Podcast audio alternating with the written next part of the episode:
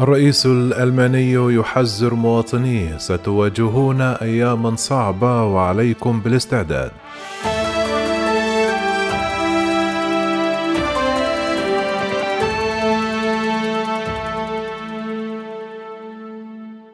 حذر الرئيس الألماني فرانك فالتر شتاينماير مواطنيه من التبعات الاقتصادية الصعبة الناجمة عن الهجوم الروسي على أوكرانيا. مشيرا إلى أن العقوبات المفروضة على روسيا لن يقتصر تأثيرها على الشركات الروسية فحسب وإنما على الشركات الألمانية أيضا.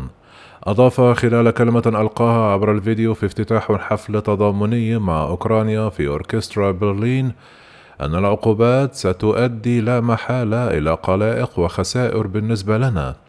كذلك أوضح أن بلاده ستواجه أياما أكثر صعوبة ويجب علينا أن نكون مستعدين لتحملها إذ لم يكن تضامنا مجرد وعود جوفاء وإذا تم أخذه على محمل الجد أعرب الرئيس عن اعتقاده أن هذه الأيام ستغير العالم وتغيرنا نحن أيضا ربما بشكل أسرع مما كنا نعتقد.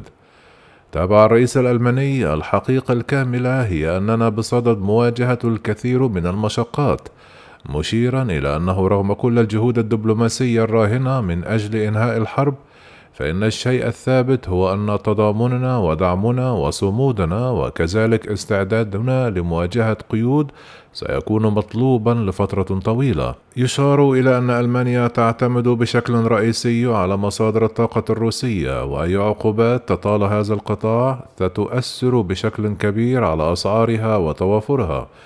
وأعلنت ألمانيا الجمعة خفض الاعتماد على النفط الروسي اعتبارا من يونيو المقبل كما أعلنت عن توقف الاعتماد على الفحم الروسي بحلول الخريف.